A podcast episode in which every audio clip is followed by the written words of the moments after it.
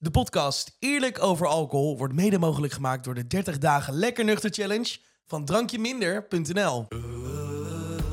Ik ben Koos en dit is mijn podcast Eerlijk over alcohol. Waarin ik praat met mensen die gestopt zijn met het drinken van alcohol of in ieder geval een stuk minder zijn gaan drinken. Op 16 september 2017 werd ik voor de allerlaatste keer dronken. Stom dronken. Alcohol haalde steeds vaker het slechtste in mij naar boven en dat wilde ik niet meer, dus zocht ik hulp. En hoewel ik het heel lastig vond om afscheid te nemen van wat ooit een fijne vriend was, ben ik blij dat ik ooit deze beslissing heb genomen. Mijn leven zonder alcohol is als een 3D-film. Ik voel meer, ik ervaar meer, ik leef meer en dat gevoel dat gun ik iedereen. En daarom ben ik deze podcast begonnen.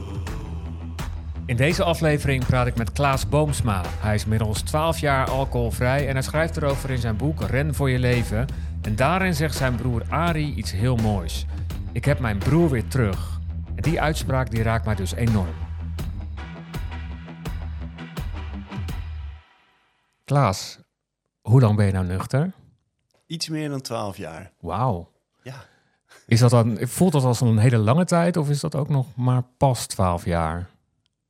Eh, allebei. Ehm, ja, dat is.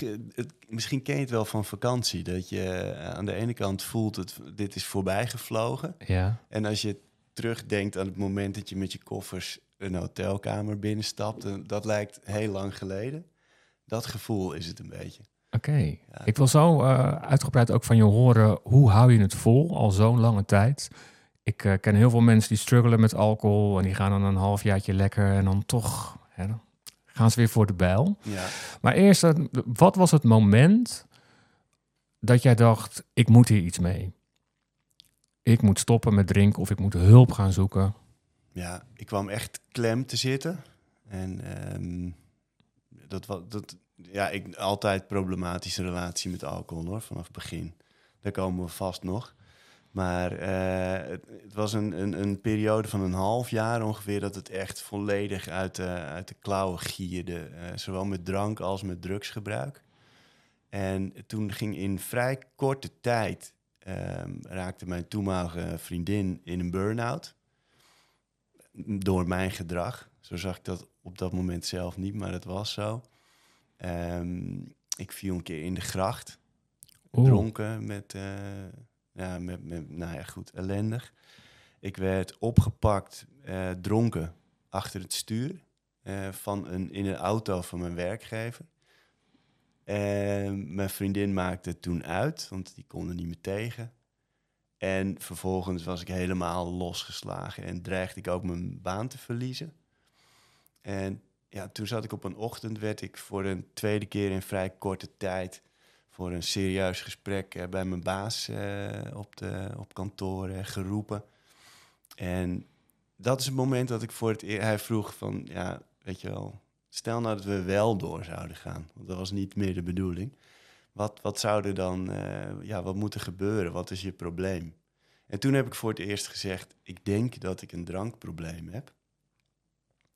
En ja, dat vond hij niet moeilijk te geloven. En, en toen zei hij van... Ja, maar wat, ja, wa- wat, we, wat zou je kunnen doen daaraan? En eh, toen, ja, toen heb ik eh, gezegd van... Ja, ik heb een jongere broer. En die was net in de kliniek geweest. Die was daar toen net een paar weken uit. En eh, toen zo, zo geopperd van... Ja, misschien moet ik ook maar zoiets doen. En als ik daar nu op terugkijk, denk ik dat dat eigenlijk mijn laatste vlucht was. Want ik wilde gewoon uit die situatie, eigenlijk ook even weg uit Amsterdam. Ehm, weg bij dat werk en eh, alle ellende en schulden en, en schuld en schaamte, overal van weg. En eh, ja, dat was eindelijk een keer een vlucht de goede kant op. Eh, in de kliniek in. Zuid-Afrika. Ja, ja je begint dan met twee dagen detox. dat was via Solutions. Dat zat op de Veluwe in, in Voorhouten. Twee, twee dagen detox daar en toen met het vliegtuig naar Zuid-Afrika. Ik weet nog die, dat ik, ik, ik wist van ik moet straks nog twaalf uur in een vliegtuig zitten, KLM. Hmm, weet je wel, dat is eigenlijk een soort vliegende open bar. En eh, dat, dat ik Ja. dacht, oké, dan ga ik nog één keer Oh ja? helemaal naar de kloten. En, eh, En bij de ochtend dat ik, dat ik, eh, ik werd door mijn ouders naar Schiphol gebracht. Die haalden me dan op in Vierhout, uh, Vierhout en brachten me weg. En dat ik die ochtend dacht, als ik dat doe, eh, dan komt het nooit goed. Dan blijf ik altijd eh, aanklooien en dan, eh, ja, dan wordt het niks. Dus daar heb ik toen echt besloten, ik ga er nu ook echt mee beginnen. En, eh, en, en dat, ja, dat, dat is gelukt. Ik had een big book van mijn broer, eh, het boek van AA had ik meegekregen van mijn broertje. Dus ik ben echt als een brave student, als een soort, als een soort reddingsboei. Dus je begon eigenlijk al in het vliegtuig. Ja, In ja, plaats van dat Ja. eh, de bar open ging voor je. ja. Ik zat naast een man die de hele tijd aan het bestellen was. Dus die drankjes kwamen allemaal voor mijn neus. Dus je bent nog flink uitgedaagd ook. Ja, echt, serieus. Dus eh, ja. Maar dat, dat voelde daardoor wel meteen heel, alsof ik iets gepresteerd had al, weet je wel. Oké, Ja, eerste stap gezet. ja echt. Naar het leven wat je nu leidt. Wat is het grote verschil eh, tussen de man die toen in dat vliegtuig zat en die nu tegenover me zit? Rust in mijn hoofd. Oh ja, Ja. En eh, dat is een heel breed begrip. Maar eh, die man die toen in het vliegtuig zat, had echt een grote hekel aan zichzelf gekregen. Omdat ja, alles de hele tijd mislukte, voor mijn gevoel. En ehm, die was heel angstig voor, voor van alles en nog wat. En ehm, dat is wel echt heel erg veranderd.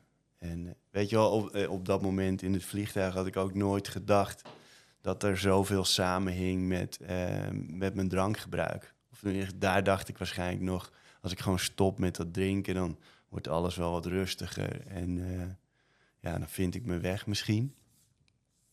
Maar eh, ja, ik heb door het stoppen met drinken zijn er wel hon- honderd deuren meer open gegaan. En, eh, op het gebied van zelfinzicht, maar ja, ook het gebied van spiritualiteit. En, ehm, ja, kan je een paar, paar deuren die open zijn gaan noemen, concreet? Ehm, ja, nou, wat heel belangrijk voor mij eh, was, en, en wat ik ook nooit zo geassocieerd had met, eh, met, met afkicken, was eh, die, die spirituele factor, de spirituele component. En ik eh, al echt op een van die eerste, eerste dagen in de kliniek legde zo'n zo'n iemand die daar werkte, een van die behandelaars, vertelde mij over dat veel verslaafden een leegte ervaren Ja, die ze proberen te vullen met, nou ja, van alles. ja, Ehm, het kan aandacht zijn, of eh, seks, of eten, drank, drugs, bevestiging, bevestiging. extern. Vooral extern, de, Ja. de keyword. En eh, dat dat natuurlijk nooit gaat lukken. En nou, tot daarin kon ik al helemaal met hem meegaan. Ik denk, ja, dat lukt inderdaad niet. En het enige wat, dat, eh, wat die leegte kan vullen, is iets groters dan jezelf. En eh, ja, hij zei, en dat noem ik spiritualiteit. En ja, da- daar kon ik al meteen wel iets mee, eigenlijk. En ehm, ik vond het wel ook heel lastig, want ik ging die big book lezen. En ik kwam echt, nou, iedere bladzij ongeveer het woord God tegen. En ik had vanaf mijn 21ste ongeveer echt wel serieus afstand gedaan van, Terwijl van God- God, religie. Ik onderbreek je even, terwijl God een grote rol speelt in jouw opvoeding. Want je vader Ja. is dominee en ja, Ja. ja religie, ja, daar ben je mee opgevoed. absoluut. Maar daar had je afscheid van genomen. Ja, echt zoals je dat als twintiger doet ook, weet je wel, met bombardie. En denk, nee, dit is allemaal gelul. En, eh, dus eh, het, het was ook gewoon echt een beetje een ego-ding. Van ja, en dan moet ik nou weer eh, met, met God aan de slag. Maar goed, ik werd uitgenodigd eigenlijk eh, om, ehm, om, om daar zelf invulling aan te gaan geven. En eh, weet je wel, je, in die kliniek werd ook, er werd veel over bidden gepraat. En ik dacht, ja, bidden wat, moet ik daar nou mee? Maar gelukkig was ik wanhopig genoeg op dat moment en genoeg op zoek naar ja, een beter leven. En dat ik dat wel eh, de kans wilde geven. En ja, toen ben ik, gewoon, ben ik ook gewoon zelf gaan bidden. En dat begon eigenlijk een beetje van, ah ja, daar, heb je me weer. Eh, maar dat werd al vrij snel een manier voor, voor mezelf om al die onbestemde gevoelens die ik eh, in mijn lijf en in mijn hoofd had, eh, om, om, om daar woorden aan te geven. Weet je wel, ik, God, of ja, ik noemde dat wel gewoon God. ik, ik voel me onbestemd of ik, ik heb een schuldgevoel bij me en ik weet niet precies wat het is. En zo ging ik gewoon ja, ratelen eigenlijk. En, en op die manier kreeg dat bidden ineens een hele praktische functie ook. Weet je wel, mensen vinden spiritualiteit vaak iets zweverigs. En eigenlijk leer ik daar ontdekken, nou, ja, als je het helemaal niet hebt, dan zweef je pas echt. Dan ben je niet geworteld. En uh, ja, dus dat is, dat is een deur die open ging. Ja, nou heel eventjes. Um, ik begrijp wat je bedoelt. Ja. Um, het is voor mij ook heel herkenbaar. Maar ik kan me ook voorstellen dat iemand zit te luisteren en denkt van... ja, Klaas, wat vertel je me nou? Moet ik nou in God gaan geloven en elke dag gaan bidden... en kan ik dan stoppen met drinken? Ja. Is dat het? Um, nee, je kan ook stoppen met drinken zonder. Maar ik kwam er wel achter... Uh, die, die, die verslaving van mij, uh, dat gedrag wat ik vertoon, dat, dat gaat wel wat verder dan alleen middelen gebruik. En, ehm, en het gaat ook verder dan alleen maar inzicht in jezelf hebben. Weet je wel? Dat je je patronen leert herkennen en uh, een beetje leert van uh, het gezin waarin ik ben opgegroeid zit zo en zo in elkaar. Dit was mijn rol. Allemaal belangrijke dingen. Maar zo'n zo grote component, iets wat, wat alles overstijgt, dat, en waar je rust in kan vinden, dat is wel heel belangrijk. En uh, ja, dat is iets wat, weet je wel, ik, ik voelde dat een beetje op dag één, maar dat heeft zich in de loop van de jaren veel meer uh, ontwikkeld. En ik ben steeds uh, ja, beter gaan zien wat voor rol dat speelde. Dus het is zeker niet zo dat je eerst in God moet gaan geloven of in, in de Boeddha moet gaan volgen om, om te kunnen stoppen met drinken. Maar, of of, of hè, waar, waar, je ook maar mee wil stoppen. Maar het, ja, het helpt wel enorm. Ja, zou je kunnen zeggen dat het meer manifesteren is dan dat je echt gelovig moet worden? Ja, manifesteren is natuurlijk best een, beetje een besmette term. Ja. Maar ik, daar, heeft het wel mee te maken. Want in, in, in, in de kliniek zeggen ze dan wel eens fake it till you make it. Van hè, ga eerst maar eens gewoon door die rituelen heen. En, uh, ja, en dan vindt het zijn weg wel. En zo is wel een beetje hoe het werkt natuurlijk. Ja. En, uh, ja, het, en, en, en, ik denk dat iedereen zich wel kan voorstellen als jij je de hele tijd, uh, als jij bijvoorbeeld zelf de hele tijd jezelf vertelt, ik ben niks waard, uh, ik kan dit niet, dan wordt dat waar. Ja. Dat, dat kan iedereen denk ik nog wel volgen. De andere kant op kan het ook zeker wel werken. Van, ik ben dit wel waard en ik ben, ik ben iemand die ook een mooi leven kan hebben zonder verslaving. En, en ik ben iemand die uh, op zoek is naar spiritualiteit. Ja, mooi. Ja, hoe ik het ervaar is, um, ik, ik, ik zie het heel erg als het universum, hè? Wat, ja. het, uh, uh, wat, wat, wat mij gewoon draagt. Zodat ik kan vertrouwen op dat het allemaal goed komt. En dat ja. ik niet in mijn hoofd hoef te gaan zitten van, oh jee, nu is dit. En ook oh god, dan kom ik dan op tijd. En oh, het viel is. En ook oh, kan ik het wel. En dan dat, dat, dat rateltje in mijn hoofd. Dat ik nu kan zeggen van, hé, hey, ik vertrouw erop dat het goed komt. En dan vraag ik ook hulp aan iets groters. En dan gelijk wat makkelijker de dag door. Ja, ja helemaal eens. Ja, het universum, ik noem het ook wel de Force. Ja. Net als in Star Wars, zeg ja. maar. Maar het, het, ja, het kunnen rusten in, in iets hogers. Ja, ja. Klaus, hoe is alcohol ooit in jouw leven gekomen? Ik was 14 uh, toen ik voor het eerst dronken was. En uh, ja, daarvoor, weet je wel, dan had ik misschien wel eens een, een slokje bier of zo van mijn vader gehad. Of een nipje wijn. Maar uh, toen ik 14 was, was voor het eerst echt. We gingen naar een hockeyfeestje. En, uh, mijn buurjongen had een uh, fles drank, een flesje never meegenomen. Oh, meteen wel zware spul. als je ook bedenkt, hij was iets ouder dan ik. Ik denk dat hij misschien net 16 was. En hij liep stage bij een slijter. En volgens mij mag dat nu niet eens. Nee. Maar die had gewoon ja, volop toegang tot drank en sigaretten. Niet helemaal legaal natuurlijk, maar die had in ieder geval die fles meegenomen. En die hadden we buiten in de bosjes verstopt. Gingen naar een hockeyfeest. En, want daar liepen leuke meisjes rond. Niet dat ik daar ook maar iets mee kon of durfde of wat dan ook, maar goed. En uh, een paar slokjes gehad. En ik was meteen verkocht aan dat gevoel. Weet je ik was echt een eh, een kind, veel piekeren, veel in zijn hoofd. Ontzettend eh, bezig met hoe anderen mij zagen en hoe ik dacht dat ik me op een bepaald moment moest gedragen. Je noemt dat in je boek ook wel een, een, een hoog bewustzijns... Ja, ja. Een, eh, Het heeft niet het letterlijke woord wat je zegt, maar gewoon een enorme... ja, ik zit even te denken. wat- bovengemiddelde mate van zelfbewustzijn. Dat, dat klinkt als iets wat ik opschrijf. Ja. maar echt heel erg daarmee bezig zijn. Ja. Van hoe, hoe mensen naar me kijken. Eh, totaal niet realistisch natuurlijk. Maar goed, dat is hoe ik het beleefde. En ik, ik- merkte daar op die avond al, want ik vond het ook best wel spannend om daar zo'n ruimte binnen te lopen.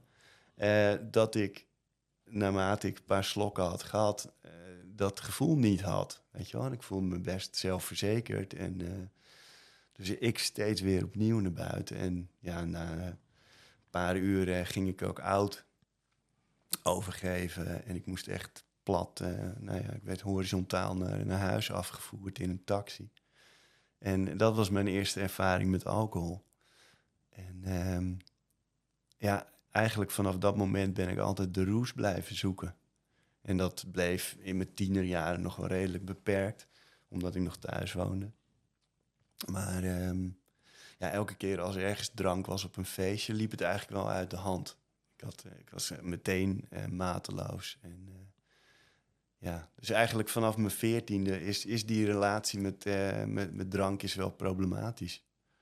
En dat is echt, heeft een vlucht genomen op het moment dat ik ging studeren. Dus vanaf mijn negentiende, denk tussen mijn negentiende en mijn dertigste, dat ik eigenlijk wel iedere dag heb gedronken. En, eh, en een tijd lang ook iedere dag gebloot.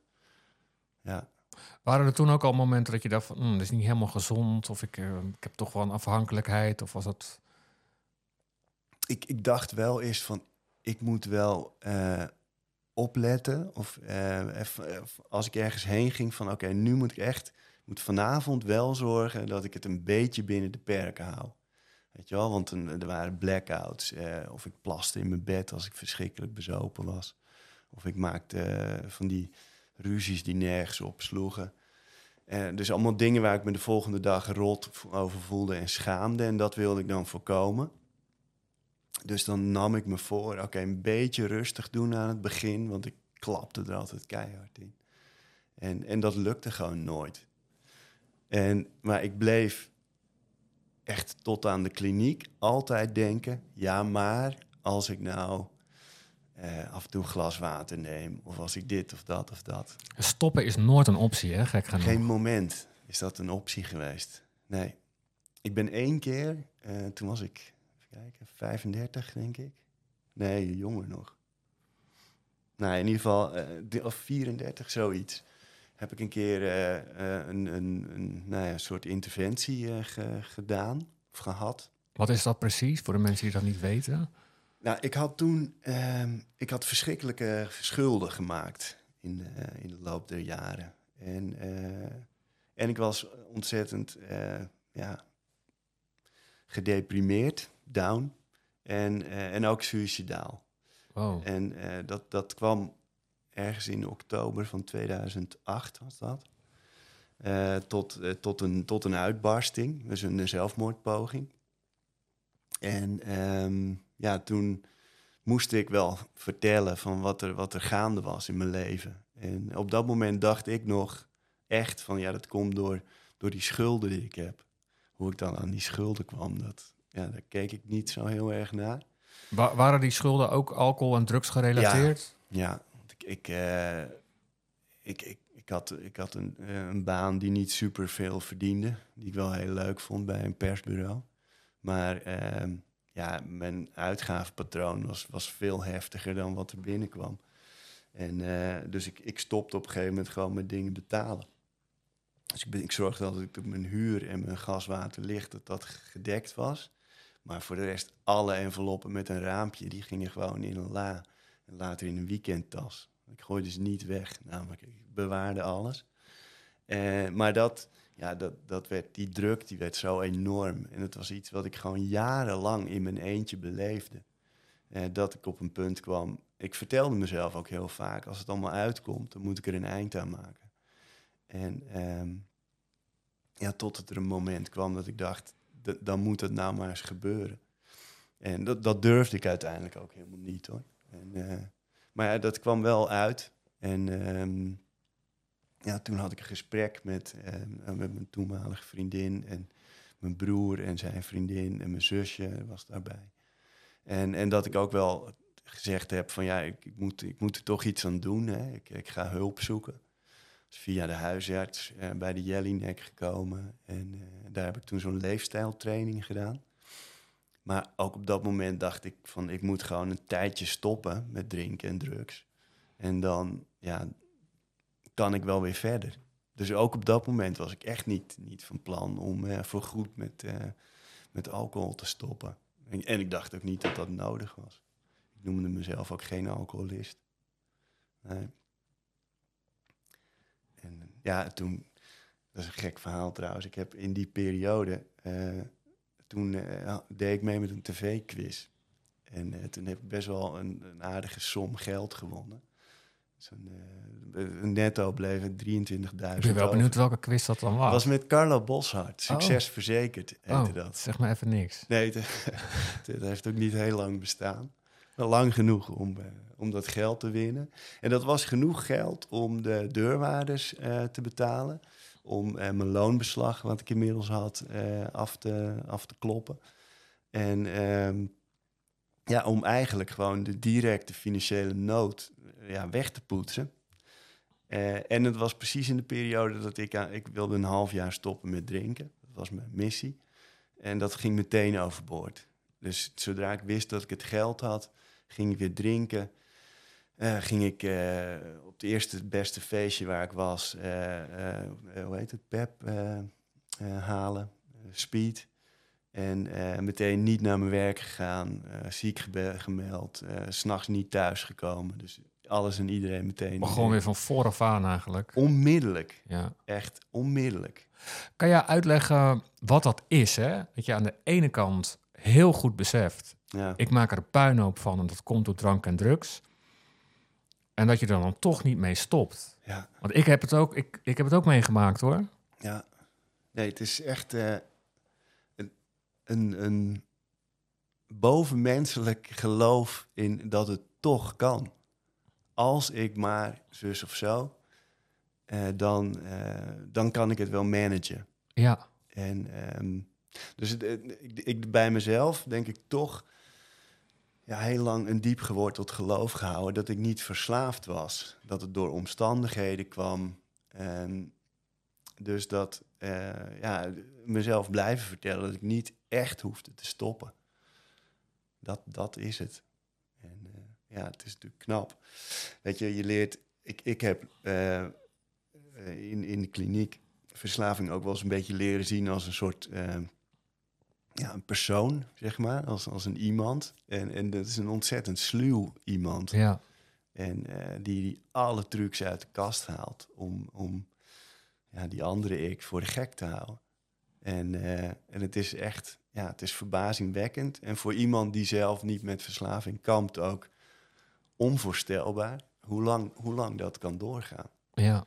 Je moet echt, ik moest echt volledig klem zitten en echt geen andere, geen, geen kant meer op kunnen, wilde ik eh, toegeven van, ja, er is toch echt iets aan de hand en ik kan dit niet alleen oplossen. ja. Rock bottom noemen ze dat dan. Ja, Hoe hou je het vol? Want je hebt ehm, de 12 jaar aangetikt. ja. Eh, ja, het voelt niet als iets wat ik vol hoef te Dat houden. wilde ik namelijk vragen. Ja. Nee, dat is, dat is een way of life geworden. Ja, en, en, het is echt zo simpel als eh, wat je leert van eh, doe het per dag. Daar ben ik mee begonnen. En eh, aan het begin voelt dat, hè, ben je echt wel aan het tellen. Maar ja, dat, dat houdt gewoon op. En op een gegeven moment, hoe, langer je nuchter bent, dat zul je ook ervaren. Hoe meer ja, rust er in je leven komt, hoe meer beloning je voor dat nuchtere leven krijgt. En, en hoe meer diepte je leven krijgt. Want ik gaf mezelf door mijn eh, drank- en drugsgebruik eigenlijk heel, heel weinig kans op, eh, op verdieping en op, op rust en op echt, echt waardevolle dingen. Weet je wel, ik, ik, ik, krabbelde van het ene naar het andere. En ik was voortdurend bezig met, nou ja, of eh, met mensen verhalen vertellen, of met schade repareren. En, en ja, daar gaat zoveel energie in zitten dat je ook denkt van, oh, ik wil weer even die, die ontspanning voelen en ik wil weer even het licht uitdoen. En eh, ja, weet je, als je zo leeft, dan dat is eigenlijk leef je ook van dag tot dag. Alleen 180 graden de andere kant. op. Ja, en uitputtend ook uiteindelijk. Verschrikkelijk. Maar Klaas, wacht heel even, want ik hoor ineens eh, iemand die zit te luisteren... die denkt van ja, ik wil ook stoppen, maar Ja. dat is even lekker makkelijk, hè? Want ik heb het al een aantal keer geprobeerd. Ja, en ja. Je hebt meer, het heeft meer van je gevraagd dan Ja. alleen maar elke dag denken van... ik, Ja. ik pak dat glas niet op. Nee, en dat is helemaal waar. Ik, ehm, eh, voor mij is die, die drie maanden opname is heel belangrijk geweest. Het is eigenlijk gewoon drie maanden dagelijkse therapie.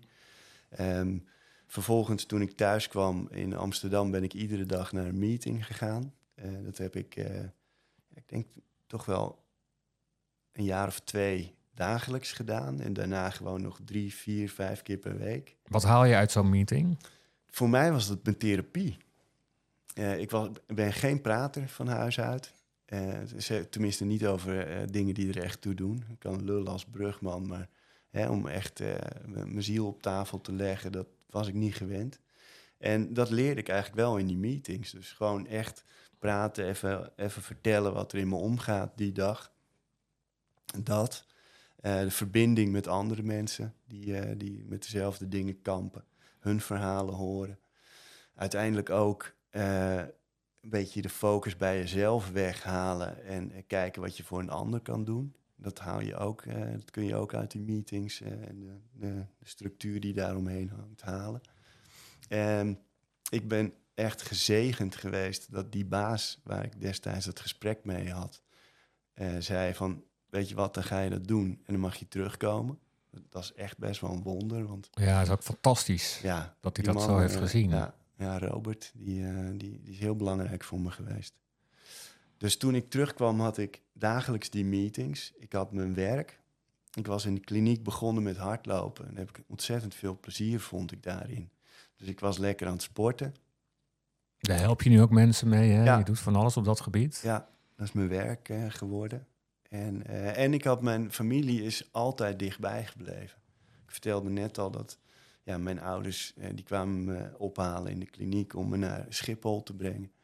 En die haalden me ook op toen ik weer terugkwam. Dus die zijn altijd dichtbij gebleven.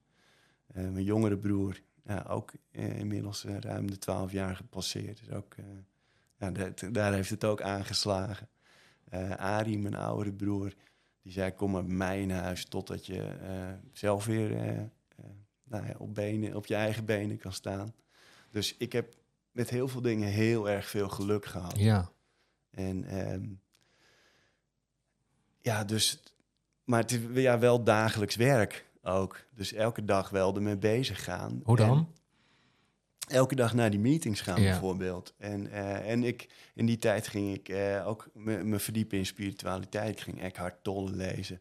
Ik ging iedere dag eh, ging ik bidden, s ochtends. om te bedanken, dat doe ik trouwens nog steeds, te bedanken dat ik nuchter en clean opsta. En aan het eind van de dag, ik noem het wel de, de force sandwich.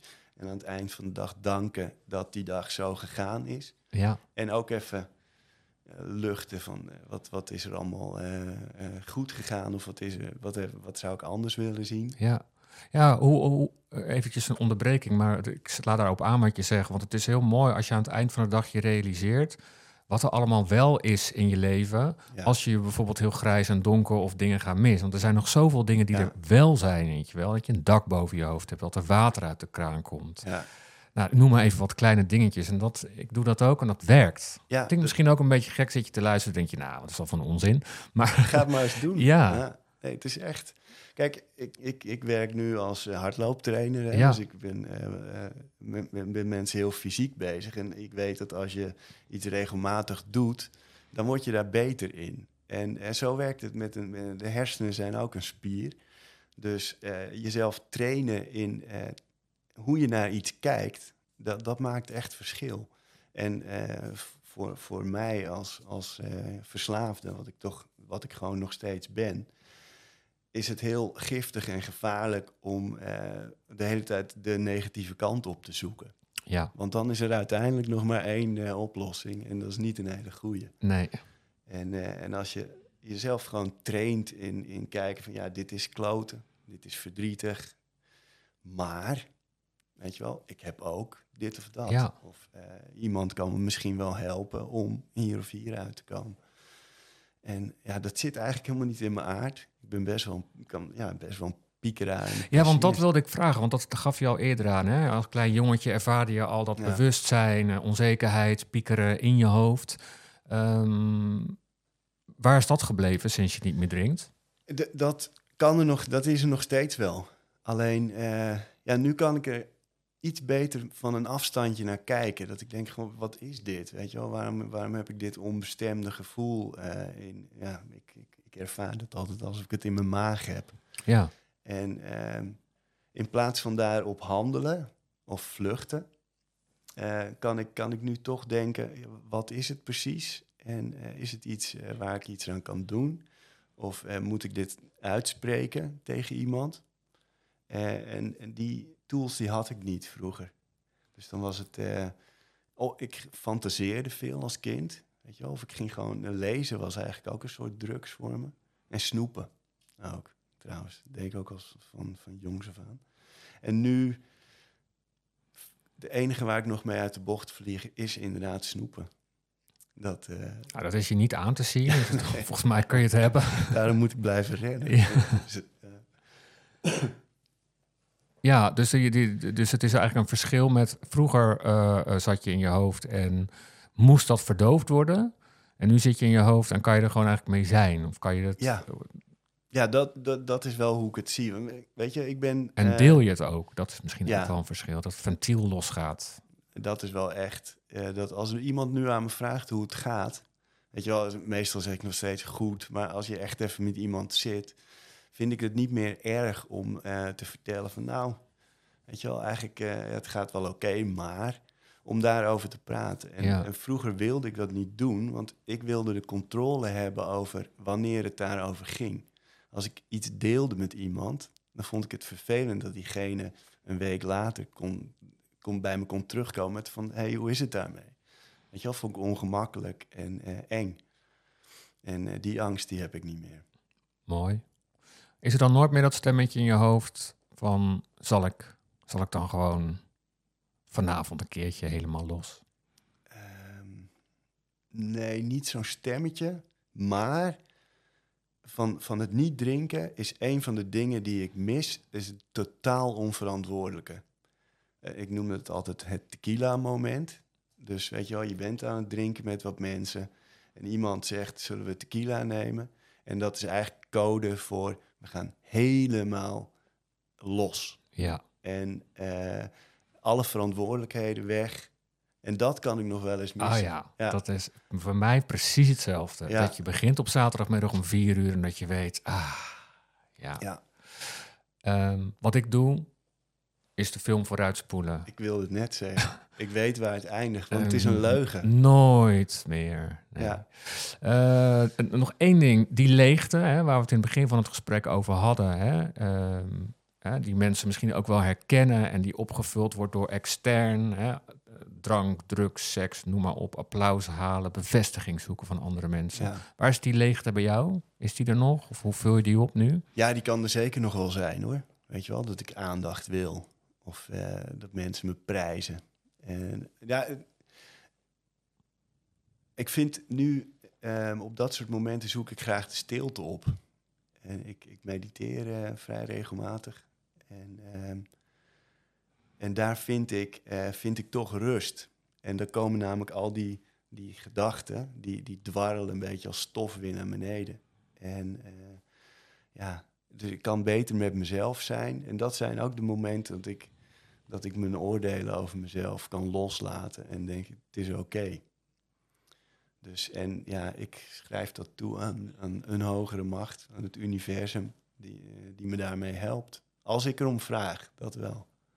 Moet het wel opzoeken. Mooi Klaas, dankjewel. Ik vond het heel ontroerend, want in jouw boek, ik heb het er weer even bijgepakt, het is uit 2017.